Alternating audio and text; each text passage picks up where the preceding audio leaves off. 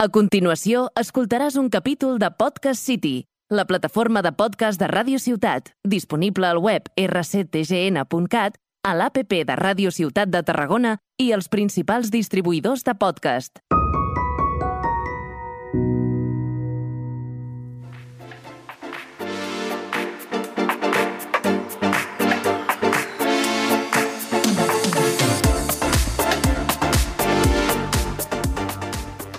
Molt, però que molt bones. Tornem a ser aquí a Converses amb Jove Cambra.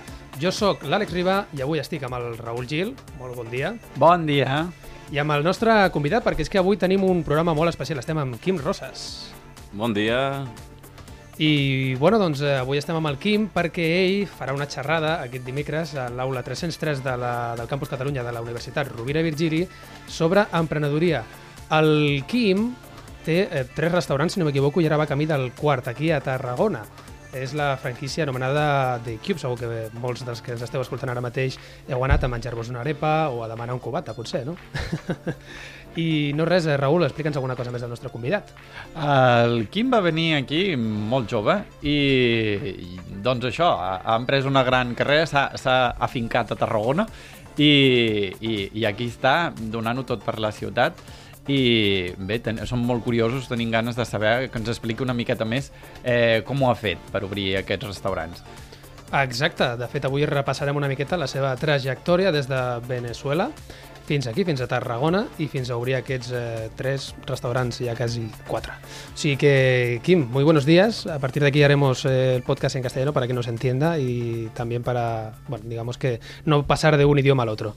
Kim, muy buenos días. Explícanos un poco. Buenos días. Eh, pues realmente la decisión de venir aquí a Tarragona fue un poco, pues,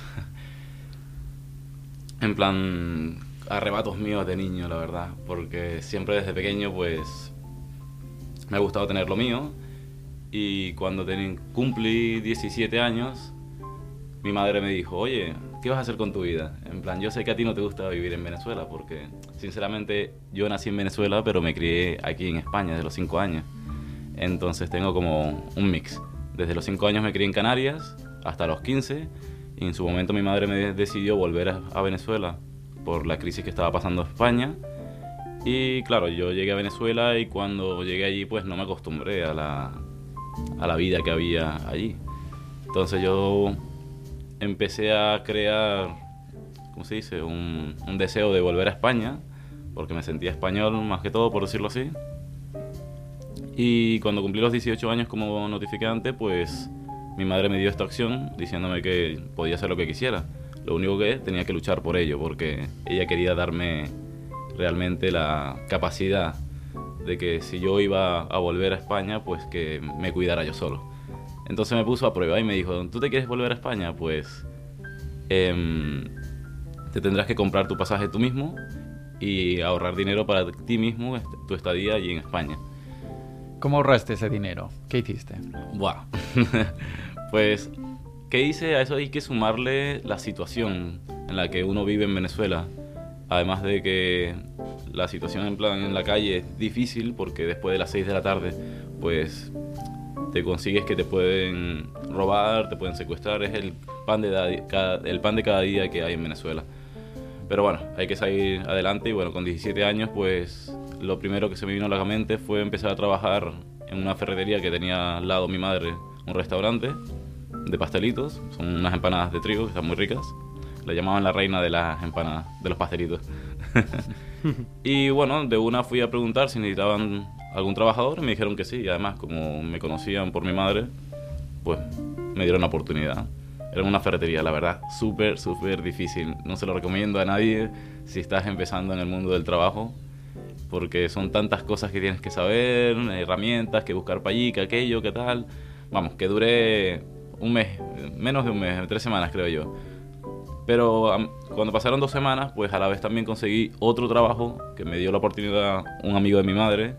Lo bueno es que tenía bastantes contactos. Contactos, gracias a mi madre que bueno tenía también tres locales en, Tarra en, en Tarragona, ¿eh?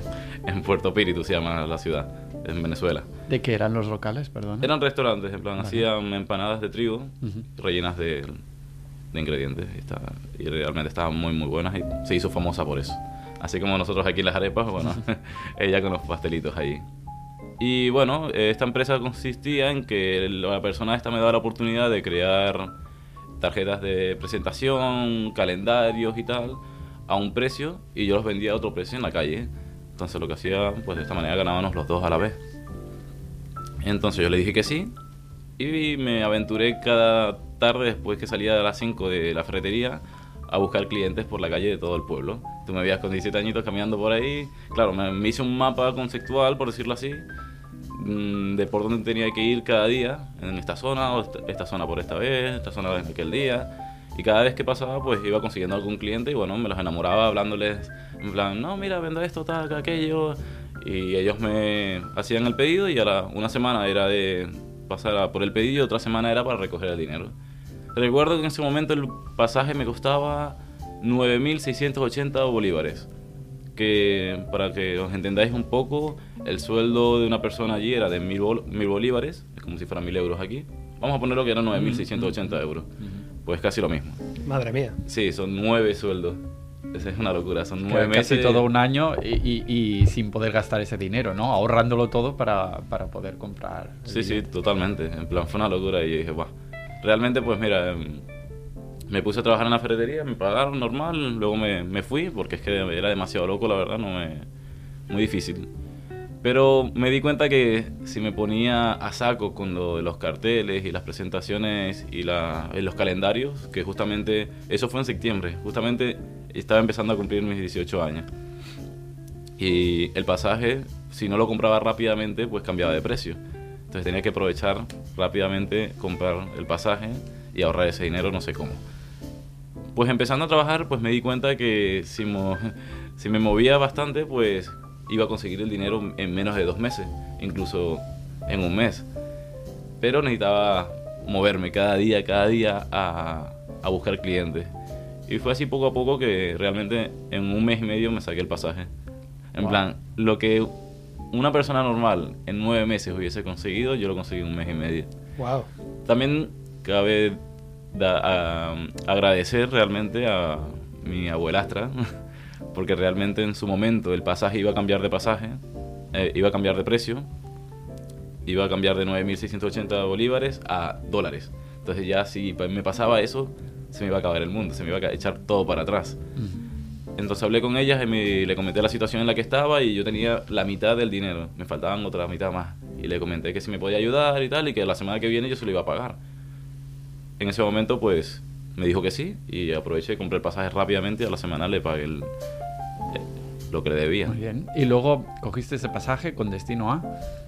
A- aquí a, bueno, a Madrid, y Madrid. luego a Barcelona. Y luego, a y, y luego, ¿qué hiciste? Llegaste aquí, no tenía. Porque, claro, mucho más ahorrado tampoco tenías, entiendo, ¿no? Mm, me compré, creo que fue, vine con 100 euros. ¿Y, cómo, ¿Y cómo lo haces? ¿Cómo lo hace una persona cuando llega aquí con, con 100 euros? Bueno, llegué a la casa de mi tía, en la que justamente creo que en ese momento todos estábamos muy mal, por decirlo así. La única que trabajaba en casa era mi tía. Agradecido a ella un montón, la verdad, por darme esa oportunidad de ayudarme. Si no, no hubiese sido la persona que soy ahora mismo, la verdad. Pero vivíamos, la verdad, que bastante. Vivía mi abuela, mi tío, mi tía y yo. Y ¿Dónde, era- ¿Dónde vivían? En Salou. Ah, en Salou aquí. O sea que Llegué a Salou, llegué a los De Madrid a Salou, ¿no? Sí.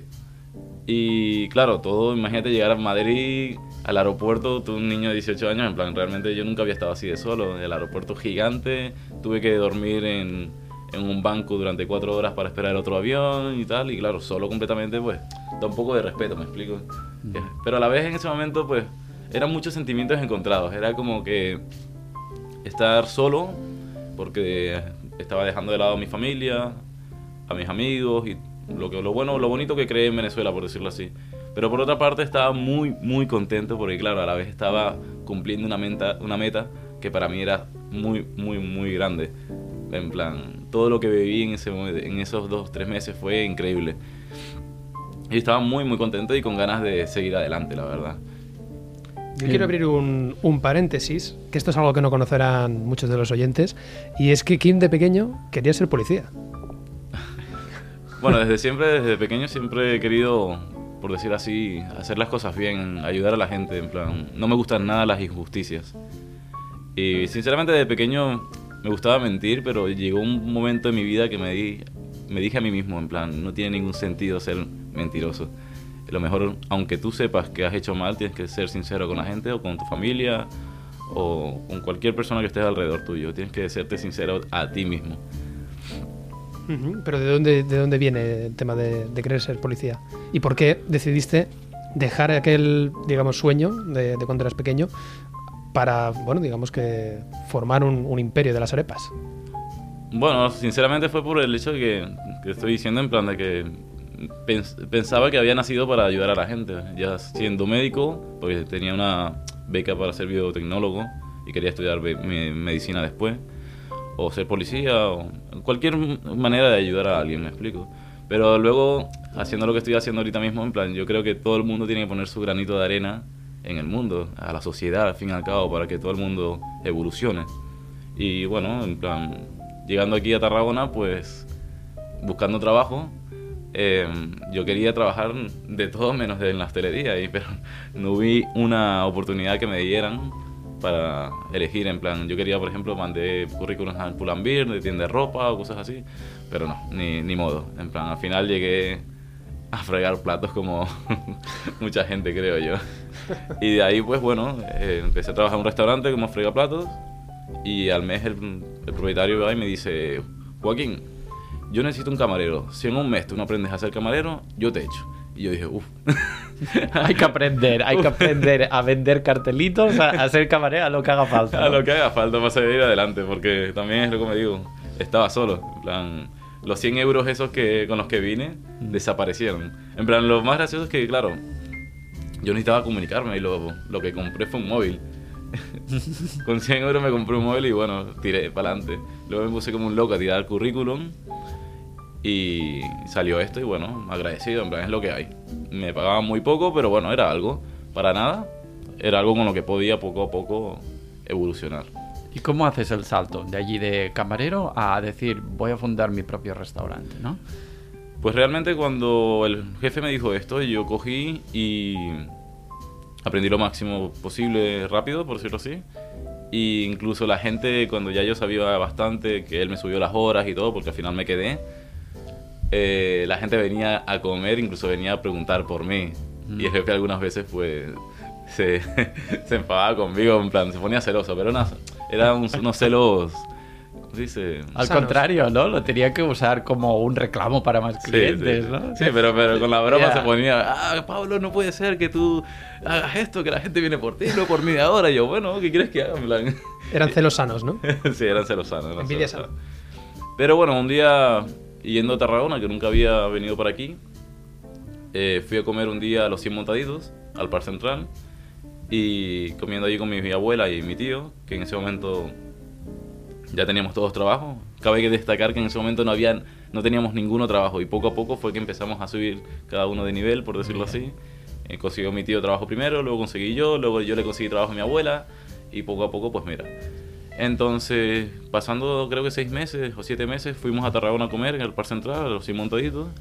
Y conociendo a la dueña, pues me dijo, no, que nosotros buscamos un personal aquí, si queréis os podéis venir tú y tu tío, qué tal, qué aquello. Y dije, bueno, dime qué condiciones me pones. Y las condiciones que me ofreció eran muchísimo mejor que las que yo tenía en Salou. Sí que tenía que moverme de Salou a Tarragona, pero aún así me venía a cuenta.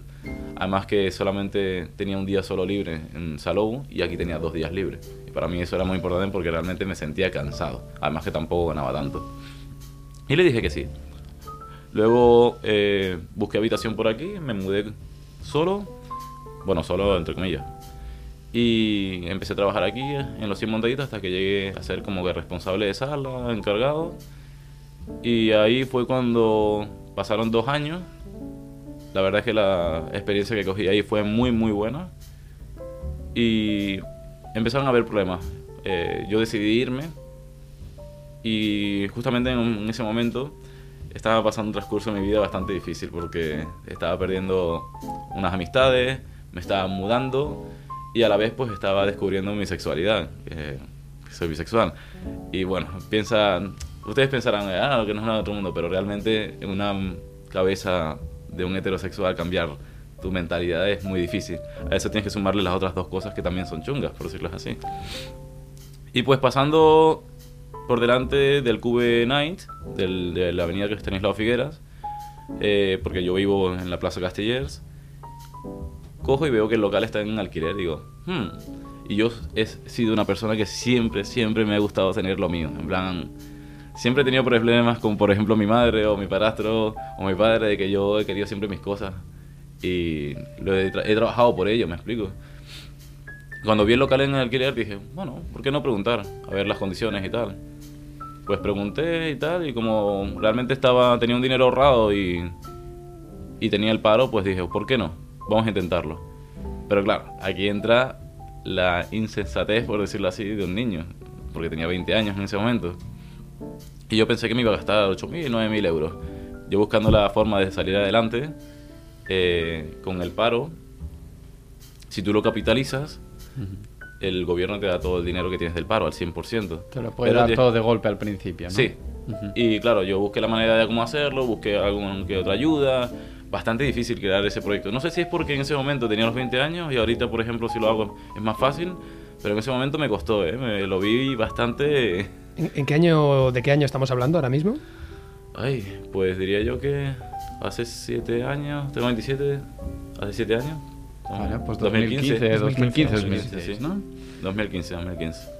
Y Claro, bueno, si no te lo explican tampoco, tú no sabes qué puertas tienes que ir a picar o cómo lo tienes que hacer, ¿no? Claro, sí, sí. Ahí está el tema. Pero bueno, eh, empecé a buscar información por internet, cómo crearlo y tal. Estuve yendo muchas veces al ayuntamiento porque realmente ya estaba metido. En plan, justamente cuando fui a hablar con los de las fincas me hicieron pagar una paga y señal y si no pagaba la paga y señal pues se gaban todo el dinero.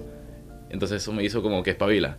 ¿Me entiendes? Y luego también, pues yo pensé que me iba a gastar tanto dinero, por ejemplo, creo que eran 8.000 euros, y al final me acabé gastando 27. Y fue como que, ¡guau! ¿Cómo consigo más dinero ahora? En ese momento estaba en el paro y los bancos me decían que no, que si no tenía un trabajo, pues no me podían prestar dinero. Ya. Y yo dije, madre mía, ¿ahora qué? Pues no no sé. necesito el dinero para tener trabajo, Sí, ¿eh? sí. Claro, ¿no? Claro, y para que no perder la paga y señal que di. Mm. Y fue en ese momento fue un poco chungo para mí, la verdad, porque no sé cómo, cómo lo hice. Que yo siempre he dicho que no sé cómo lo hago, pero mi madre me, también me lo dice. Tengo un ángel de la guarda que nunca me desampara, en serio. Yo no sé cómo lo hago, pero realmente las cosas que hago siempre me salen y yo creo que es por eso. Posiblemente sea por mi forma de ser y tal también. Claro, que ya tienes la manera- actitud positiva, ¿no? Ya Claro. predispuesto a, venga, va, lo voy a resolver, ¿no? Va a salir adelante. Y tú ya mismo buscas la manera de, de- de que salga adelante, ¿no? Sí, sí, pero estas cosas son más raras aún, me explico. En plan, es que cuando se me oscurece todo de golpe así y que consiga salir adelante es muy loco. Porque yo mismo no me lo creo, me explico. Y en ese momento me pasó eso. Y un día fui al Banco Sabadell, creo que fue, y me llevé bien con el representante de ahí y tal. Y me consiguieron un préstamo. Y ahí fui y se eché para adelante. Empecé a reformar y sin embargo todo lo que hice lo hice yo. En plan, lo único que me reformaron en el bar porque ese local ni siquiera tenía licencia. Hacerle una nueva licencia a un local es súper difícil. Tienes que cumplir con todas las normativas vigentes del día. ¿Me entiendes?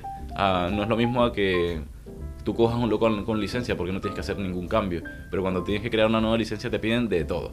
Y al principio, por ejemplo, en la entrada del local hay un escalón y en la nueva normatividad dicen que si hay escalones pues se tienen que romper para hacer una rampa para la gente minusválida, normal. Pues ese, ese, ¿cómo se dice? Esa rampa, madre mía, también, no me lo esperaba. Es que siempre salían cositas, cositas, cositas y era como que menudo estrés, loco. Emprender no es fácil, ¿eh? ya, ya lo estamos viendo, pero desde luego que si se tienen ganas y, y sobre todo ese deseo ¿no? de, de ser, de tener éxito, al final rompes todas las barreras, ¿no? Kim, yo creo que eso es un poco la moraleja. Sí, sí, totalmente. El que la sigue, la consigue. Y pues nada, en plan, terminamos de hacer las obras y tal, me dieron la licencia y abrí. Y para adelante. En plan, yo realmente sabía un poco lo que venía trabajando del otro local, el, el sin montadito.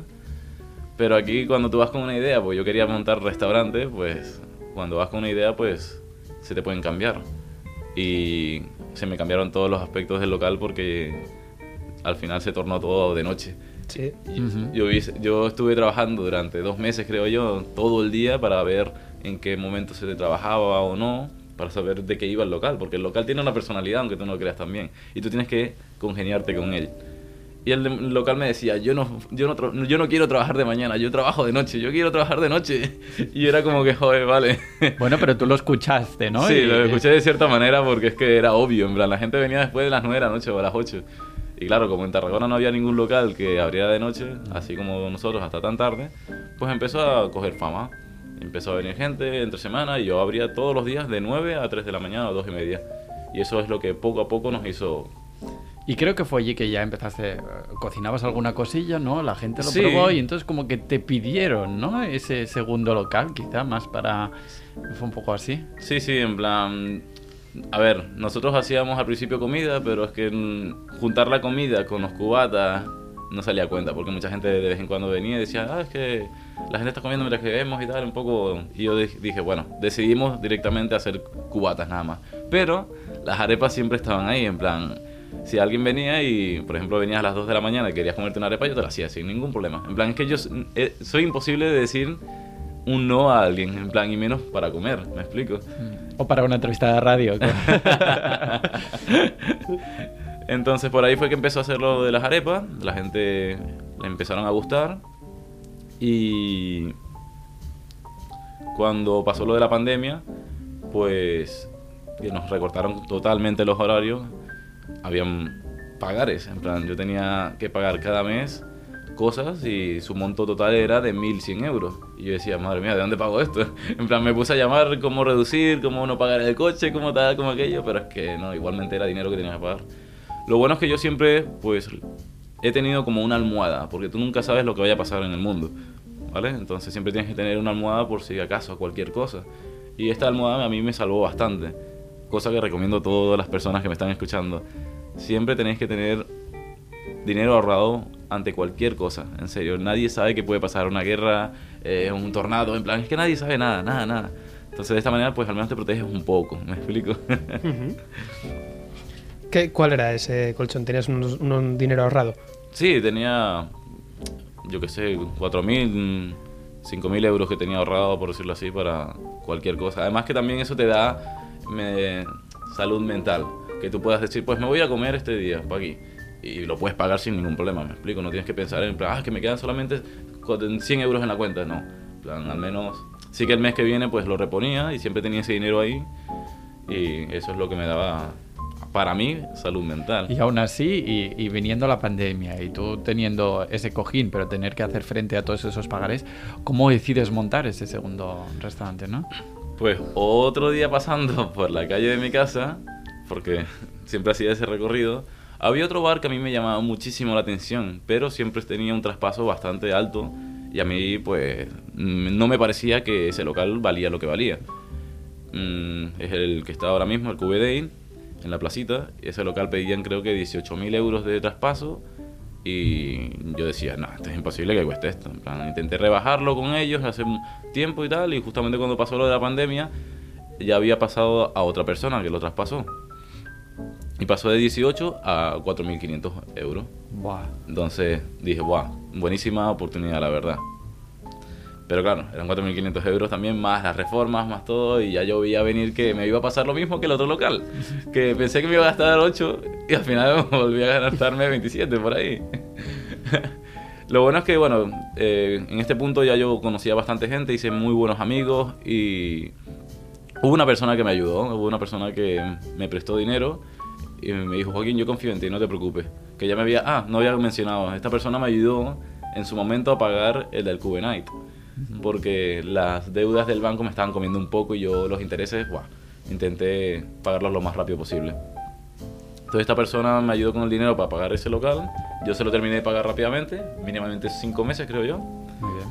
Y luego, como ya lo conocían y tenemos confianza, pues le comenté que me pasaba esto, que aquello y me dijo, no te preocupes Joaquín, yo confío en ti, yo sé que el dinero me lo vas a devolver y sé que lo vas a devolver rápido, así que... Pues yo soy una persona que no me gustan los intereses, las deudas te las tienes que quitar rápidamente. Bueno, y a partir de ahí abriste el The Cube Day, luego vino el The Cube Fusion en el Carrer Major y ahora, eh, en un futuro próximo, esperemos, The Cube Font. The Cube de la Font. De la Font, eso es, eso Yes. es. ¿Y cuál, cuál va a ser, eh, digamos, el estilo de este nuevo local? Pues el estilo estoy ahorita todavía ahí viendo cómo hacerlo, porque es bastante grandecito, pero creo que trabajaremos tanto de día como de noche y trabajaremos en plan desayunos, almuerzos, cenas, cócteles, asillas también, eh, animar un poco a que todo el mundo pueda hacer lo que quiera, por decirlo así, a cualquier hora, que, puede, que sea bienvenido al local y nosotros estaremos ahí para atenderlos al 100%, que es la base de nuestro trabajo al fin y al cabo. Qué bien, qué bien. La, importancia de la hospitalidad también en la hostelería. ¿eh? Totalmente. Bueno, Kim, ahora te vamos a pedir que nos hagas un poquito de resumen de, de la charla de este miércoles. Recordamos, miércoles eh, día 26 de octubre a las 6 de la tarde, aula 303 del Campus Cataluña de la Universidad Rovira i Virgili. Estáis todos invitados. Kim nos hablará un poquito de las claves del éxito y de, de su trayectoria. Nos hará pues otro resumen de, su éxito aquí en Tarragona con, con estos eh, locales de restauración. Ahora, pues eso, Kim, dándonos un, nada, cinco céntimos de, de qué va a ir la charla. ¿Qué has planteado? Pues no sé. No, mentira. Yo estaba sudando ya, ¿eh? Nada, hablaré un poco sobre cómo llevarle el tema financiero, que es muy importante, cómo gestiono yo los locales, cómo gestiono a los empleados, eh, lo impor- la importancia de tratar bien al cliente, porque es muy importante crear vínculos con ellos, el tema de decoración, que también es muy importante, y posiblemente el nunca parar en plan en evolucionar cada día porque nunca te puedes quedar estancado. El emprendimiento es algo muy importante y la motivación también. Bueno, bueno, yo quería pedirte consejos, pero es que ya has dado unos cuantos durante la entrevista, que si tener el Sí. cojín, ¿no? De la, la- la almohada esta económica, eh, que si dar el buen servicio al cliente, siempre evolucionar, ¿no? Nos quedamos con esto. Y para saber más, para saber también cómo lo has hecho con los números, ¿no? Donde, donde has aprendido un poco de, de gestionar tu propia economía, cuál es el momento de abrir un siguiente restaurante, cuál es el momento de contratar una nueva persona cuando ves tú la necesidad, no solo de decir, uy, tengo mucho trabajo, necesito más manos, no, pero tengo que poder pagar estas manos, ¿no? Eh, nos quedamos con que, con que en la charla, en, la- en el Job Talks de, del miércoles que viene, nos explicarás eh, todo eso y mucho más. Y, y- y nada, ya lo espero. Sí, también eh, yo creo que algo que, que- que podemos leer entre líneas de todo lo que ha dicho Kim es crearse un estilo propio, ¿no? Diferenciarse del resto yo creo que también es muy importante en un mundo tan competitivo. Bueno, sin más dilación, eh, ara tancarem el podcast. Ha estat un honor tenir-te aquí, Kim, de veritat que un total mestre de l'emprenedoria. Raül, com sempre, també eh, encantat de, de, de poder presentar aquest podcast aquí a Radio Ciutat. M'encanta ser aquí, m'encanta poder parlar d'aquestes coses, portar joves que treballen per la ciutat de Tarragona i que, i que ens donen aquests consells tan valiosos. Uh -huh. Us esperem al pròxim capítol. Adeu!